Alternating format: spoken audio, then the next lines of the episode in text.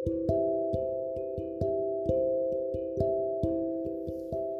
strong peoples, it's special for you who has a broken family. Aku tidak tahu cara menyemangatimu.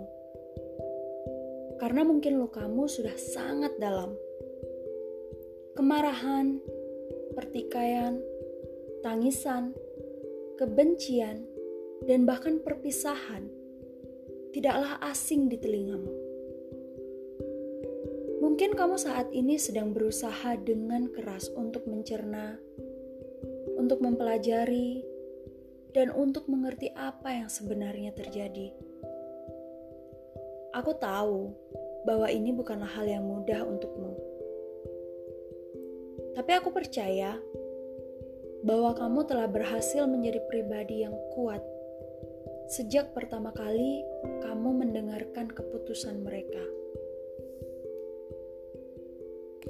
Having a broken family mungkin membuatmu harus menentukan banyak pilihan dengan lebih cepat. Sejak hari itu, kamu harus memutuskan beberapa hal yang rumit. Menjadi broken people atau strong people. Menjadi lebih baik atau lebih buruk. Menjadi berhasil atau gagal. Lebih banyak belajar atau bahkan tidak mau belajar. Konsep belajar dalam hidupmu pun bukan lagi tentang hal-hal yang berkaitan dengan pendidikan, tetapi kehidupan. Banyak sekali muncul kebingungan dalam hati dan pikiranmu.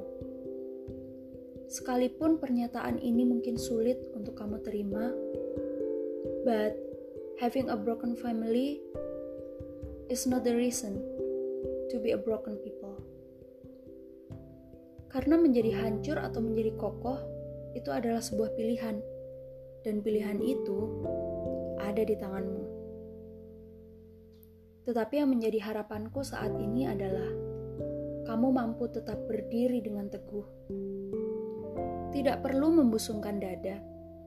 Melihatmu bertahan saja, itu sudah cukup menguatkan manusia lain.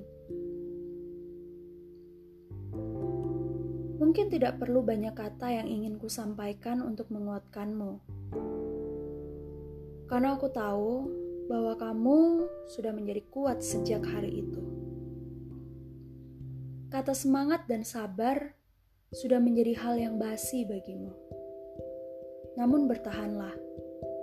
Tuhan sedang merancang cerita yang indah untukmu. Tuhan sedang perlahan memoles lukamu menyusun kembali serpihan-serpihan hatimu.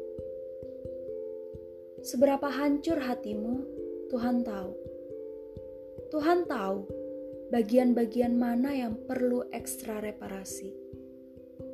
Tenang saja, Dia sudah unggul dalam hal mereparasi. Dan Dia selalu melakukannya dengan hati-hati.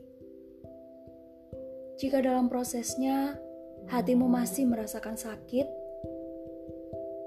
itu karena Tuhan sedang mereparasi bagian rongga lukamu yang paling dalam. Tapi percayalah, kamu akan sembuh dari luka itu jika kamu membawakannya, menyerahkannya kepada sang ahli. Percayakan saja hidupmu kepada dia. Sampai kamu siap dipakai menjadi alat bagi kemuliaan Tuhan. Suatu hari kamu akan bersaksi dengan lantang kepada dunia tentang kebaikan Tuhan dalam memulihkan hidupmu. Dan Tuhan akan bersuka cita atas hal itu. Aku percaya ketika kamu ada sampai saat ini, itu karena ada pribadi yang selalu bersama-sama denganmu yaitu Tuhan, yang begitu mengasihimu. Jika dunia memandangmu sebagai orang yang rapuh, tanpa bisa menolongmu, Tuhan yang penuh dengan belas kasihan, siap untuk mengulurkan tangannya untukmu. Tenanglah dalam dekapannya.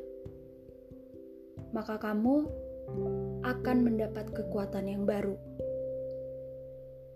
Dariku yang siap menjadi sahabatmu di dalam doa.